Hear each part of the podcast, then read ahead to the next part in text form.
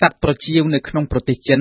និងមេរោគជំងឺផ្លូវដង្ហើម អំបូរកូវីដ -19 មានប្រវត្តិទំនាក់ទំនងគ្នាជាយូរមកហើយ។ តាមពិតទៅប៉ុន្មានឆ្នាំចុងក្រោយនេះមានអ្នកជំនាញស្រាវជ្រាវផ្នែកមេរោគនិងជំងឺឆ្លងជនជាតិចិនជាច្រើនអ្នកបានរួមគ្នាស្រាវជ្រាវស្វែងយល់ពីទំនាក់ទំនងរវាងមេរោគអំបូរកូវីដ -19 និងសត្វប្រចៀវ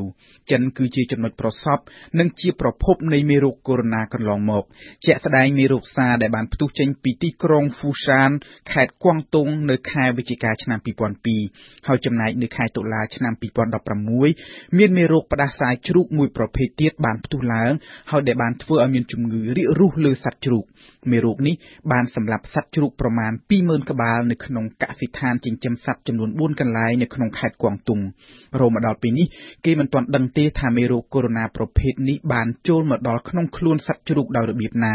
តែអ្វីដែលអ្នកស្រាវជ្រាវបានរកឃើញគឺកោសិកាមេរោគសានៅក្នុងខ្លួនមនុស្សនិងមេរោគផ្ដាសាយជ្រូកដែលមាននៅក្នុងខ្លួនសត្វជ្រូក គឺដូចសឹងតែ95%ទៅនឹងកោសិកាមេរោគកូវីដ -19 ដែលមាននៅក្នុងខ្លួនសត្វប្រចៀវ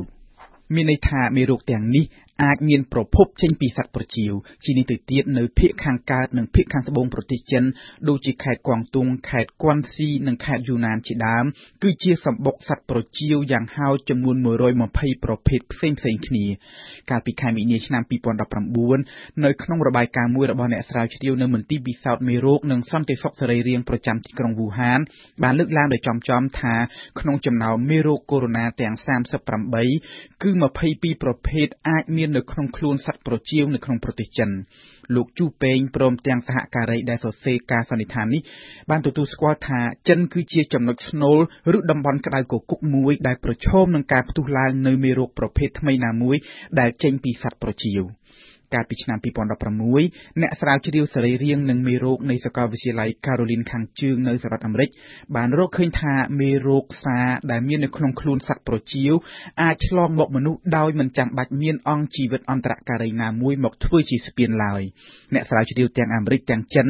សុទ្ធតែបានទាញសញ្ញាអាសន្នតាំងតែពីមិនទាន់ផ្ទុះឡើងនៅមេរោគកូវីដ -19 ប្រភេទថ្មីនៅទីក្រុងវូហាននេះម្ល៉េះ ជាងនេះទៅទៀតអ្វីដែលអ្នកជំនាញបានរកឃើញ គឺថាមេរោគអំបូរកូវីដ -19 មានបន្ទាត់កោសិកាវែងអន្លាយដែលធ្វើឲ្យងាយដល់ការផ្ដាច់តភ្ជាប់ជាមួយបន្ទាត់កោសិកាផ្សេង ហើយបំលែងជាមេរោគថ្មីផ្សេងទៀត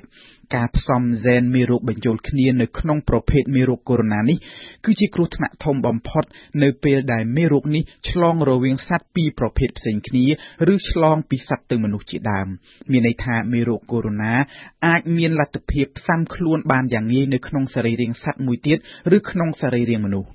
មេរោគកូវីដ -19 ចែកជា4សាខាធំៗគឺ Alpha Coronavirus Beta Coronavirus Gamma Coronavirus និង Delta Coronavirus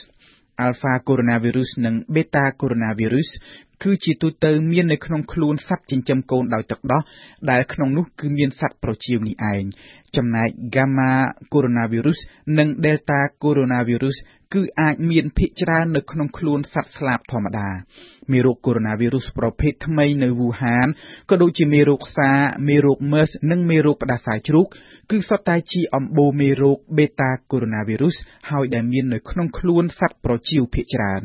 យ៉ាងហោចណាស់មេរោគអំបូរកូវីដ -19 ចំនួន30ប្រភេទត្រូវបានគេរកឃើញនៅក្នុងខ្លួនសត្វប្រចៀវ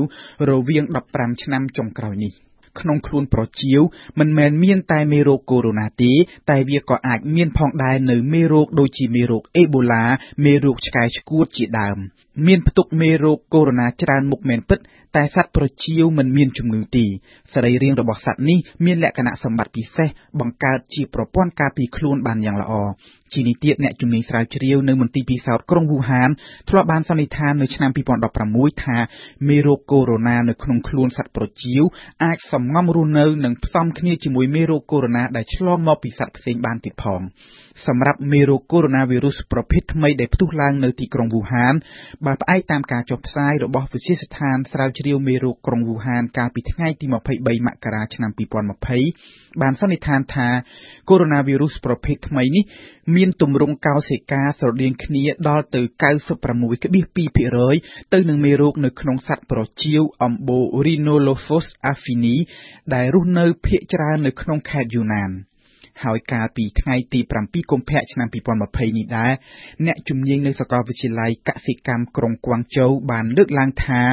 សត្វពង្រូលពូជម៉ាឡេស៊ីអាចជាអង្គអន្តរការីចម្លងមេរោគកូវីដ -19 ប្រភេទថ្មីនេះចេញពីសត្វប្រចៀវមកក្នុងខ្លួនមនុស្ស យោងតាមការស្រាវជ្រាវនេះសត្វពង្រូលប្រមាណជា70%មានផ្ទុកមេរោគ Beta Coronavirus ជានេះទៀតកោសិកាមេរោគ Coronavirus ប្រភេទថ្មី មានទម្រង់ដូចគ្នាដល់ទៅ99%ទៅនឹងមេរោគ Beta Coronavirus ដែលមាននៅក្នុងខ្លួនសត្វពង្រូលតែសម្រាប់ពេលនេះគេមិនទាន់ដឹងទេថាមេរោគ Beta Coronavirus ដែលមាននៅក្នុងខ្លួនប្រចៀវបានមកដល់ក្នុងខ្លួនសត្វពង្រូលដោយរបៀបណានោះទេ សត្វពង្រូល គឺជាសត្វស៊ីសត្វល្អិតជាអាហារ ហើយតាមការសង្ស័យវាអាចស៊ីសត្វល្អិតដែលស្ថិតនៅក្នុងគំនរលាមកប្រចៀវនៅតាមរូងភ្នំ យោងតាមការសន្និដ្ឋានទាំងអស់នេះ សត្វប្រចៀវមិនត្រឹមតែជាជង្រុកនៃមេរោគកូវីដ -19 ទេ តែសត្វប្រចៀវគឺជាសត្វចិញ្ចឹមកូនដោយទឹកដោះតែមួយគត់ដែលអាចហោះបាន ការហោះពីទីកន្លែងមួយទៅទីកន្លែងមួយ ក្នុងចម្ងាយឆ្ងាយអាចពង្រីកដែនដីលទ្ធភាពនៃការសាយភាយមេរោគទៅសត្វឯទៀតហើយធ្វើឲ្យប្រចៀវអាចគេចផុតពីការប្រមាញ់របស់សត្វឯទៀតផងដែរសត្វប្រចៀវអំបូរខ្លះអាចមានអាយុដល់ទៅ41ឆ្នាំខណៈដែលសត្វស្លាបជាទូទៅមានអាយុត្រឹមតែ14ឆ្នាំ ក្នុងចំណោមសត្វចិញ្ចឹមកូនដោយទឹកដោះ ប្រចៀវមានចំនួនស្មើនឹង30%ទូទាំងពិភពលោក ពលគឺច្រើនជាងគេលំដាប់ទី2បន្ទាប់ពីពូជសត្វ Ratacheti ដូចជាពូជកណ្ដុរកំប្រុកជាដើមក៏ប៉ុន្តែសួរថាតើវាជាកំហុសរបស់ប្រចៀវឬដែលមានផ្ទុកមេរោគទាំងនោះតើមិនមែនមកពីមនុស្សខ្លួនឯងទេឬដែលចូលទៅគៀកនឹងសត្វប្រចៀវទើបឆ្លងមេរោគទាំងនោះមកខ្លួន។ អ្នកស្រាវជ្រាវខ្លះបានលើកឡើងថា គឺសកម្មភាពរបស់មនុស្សទេដែលជាអ្នកធ្វើឲ្យមេរោគនេះ អាចបែកធ្លាយចេញពីសត្វប្រចៀវឆ្លងមកមនុស្សបានគម្លាតគ្នារវាងមនុស្សនិងប្រព័ន្ធជីវៈចម្រុះសត្វព្រៃកាន់តែចុះថយជាមួយនឹងល្បឿននៃការអភិវឌ្ឍបច្ចុប្បន្នមិនថាតែនៅចិនទេ គឺជាទូទៅនៅអាស៊ីអាគ្នេយ៍តែម្ដង ការកាប់រានឆ្ការព្រៃយកដីដាំដំណាំ មានកាន់តែច្រើនឡើងច្រើនឡើង សកម្មភាពនេះបានធ្វើឲ្យប្រែប្រួលដល់ប្រព័ន្ធជីវៈចម្រុះទីជម្រករបស់សត្វព្រៃដូចជាសត្វប្រចៀវនេះឯងជានេះទៀតចំនួនប្រជាជនចេះតែកើនឡើងដែលត្រូវការទីតាំងថ្មីបន្ថែមទៀតដើម្បីតាំងទីរស់នៅមនុស្សកាន់តែរស់នៅខិតជិតនឹងសត្វប្រចៀវព្រៃភ្នំដែលធ្លាប់តែងងឹតคล้ายជាភូមិមានអំពូលភ្លឺប្រងព្រាតតាក់ទាញសត្វរាត្រីចរដូចជាប្រចៀវជ្រឹងទាំងអស់នេះឲ្យចេញមកគៀកនឹងមនុស្សព្រមទាំងគៀកនឹងសត្វចិញ្ចឹមឯទៀតជានេះទៀតទម្លាប់បរិភោគសត្វព្រៃរបស់ប្រជាជននៅតំបន់អាស៊ីអាគ្នេយ៍ជាពិសេសនៅចិននិងវៀតណាមគឺជាមាត់ច្រកគ្រោះថ្នាក់មួយទៀត។ កាលពីឆ្នាំ2008អ្នកស្រាវជ្រាវវៀតណាមបានរកឃើញថាក្នុងចំណោមសត្វកណ្ដុរដែលគេលក់ទាំងរស់យកទៅបរិភោគនៅភាគខាងត្បូងវៀតណាម គឺមាន 4.4%មានផ្ទុកមេរោគកូវីដ -19 ចំណែកសត្វប្រចៀវវិញ គឺមាន 22%ដែលមានមេរោគកូវីដ -19 អ្នកស្រាវជ្រាវវៀតណាមបានលើកឡើងពីការបារម្ភព្រោះថានៅវៀតណាមមានកសិដ្ឋានចិញ្ចឹមប្រចៀវដើម្បីយកលាមកទៅធ្វើជី ហើយក្នុងលាមកនោះ គឺពោពេញដោយកោសិកាមេរោគ អ្នកជំនាញផ្នែកជំងឺឆ្លងនៅសាកលវិទ្យាល័យហុងកុងបានសរសេរនៅក្នុងទស្សនាវដ្តី Virus ដោយបានលើកឡើងថា ទម្លាប់ទិញសត្វប្រចៀវរស់រវើកនៅតាមទីផ្សារយកមកបរិភោគគឺជាទម្លាប់មិនល្អរបស់ប្រជាជនចិននិងជនជាតិអាស៊ីមួយចំនួនមេរៀនធ្លាប់មានរួចមកហើយ កាលពីក្នុងករណីជំងឺសាឆ្នាំ2002គឺមេចុងភៅក្នុងភោជនីយដ្ឋានលក់សាច់សត្វព្រៃមួយនៅទីក្រុងឈិនចិន ដែលទំនងជាបានឆ្លងមេរោគសានេះមុនគេពីសត្វប្រចៀវ។ ថ្មីថ្មីនេះទៀតទស្សនាវដ្តីវិទ្យាសាស្ត្រឈ្មោះ The Lancet បានចុះផ្សាយថាជាមួយនឹងការផ្ទុះឡើងនៅមេរោគកូវីដ -19 ប្រភេទថ្មីនេះការស្វាស្វែងរកវ៉ាក់សាំងមកការពារគឺមិនមែនជាជម្រើសល្អឡើយព្រោះថាទៅថ្ងៃខាងមុខមេរោគថ្មីផ្សេងទៀតនឹងផ្ទុះឡើងជាក់ជាមិនខាន អ្វីដែលត្រូវធ្វើ គឺការកែប្រែទម្លាប់បរិភោគសាច់សត្វព្រៃដែលជាប្រភពនៃការចម្លងមេរោគពីសត្វមកមនុស្សការលក់សត្វព្រៃរស់រវើកនៅតាមទីផ្សារនានានៅអាស៊ីនិងជាពិសេសនៅចិន គឺជារឿងមួយដែលប្រឈមនឹងគ្រោះថ្នាក់បំផុត ការផ្លាស់ប្ដូរទម្លាប់នេះមិនមែនជារឿងងាយធ្វើទេតែគេសង្ឃឹមថាមនុស្សយើងនឹងចាប់ផ្ដើមយល់ដឹងពីគ្រោះថ្នាក់ចាប់ពីពេលនេះទៅ